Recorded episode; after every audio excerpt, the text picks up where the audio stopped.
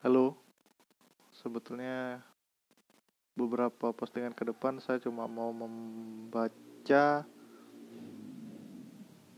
feed-feedku di Instagram. Terserah mau didengar atau tidak. Setidaknya saya coba bacakan saja. Ini 22 Juli 2018. Bahkan tempat ternyaman yang kamu sebut dengan kamar tak bisa menghalang kegelisahan, dan kadang malah membuatmu tak nyaman saat ingin tidur.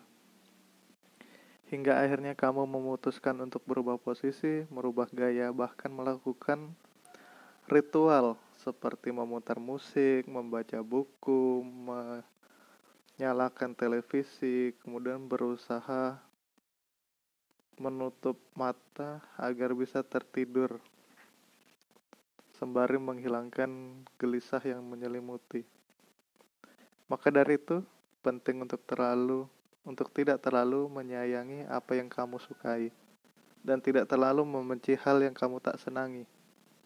Karena bisa saja yang kamu benci menjadi hal yang kamu sukai dan begitu pun sebaliknya. Sepakat? Terserah.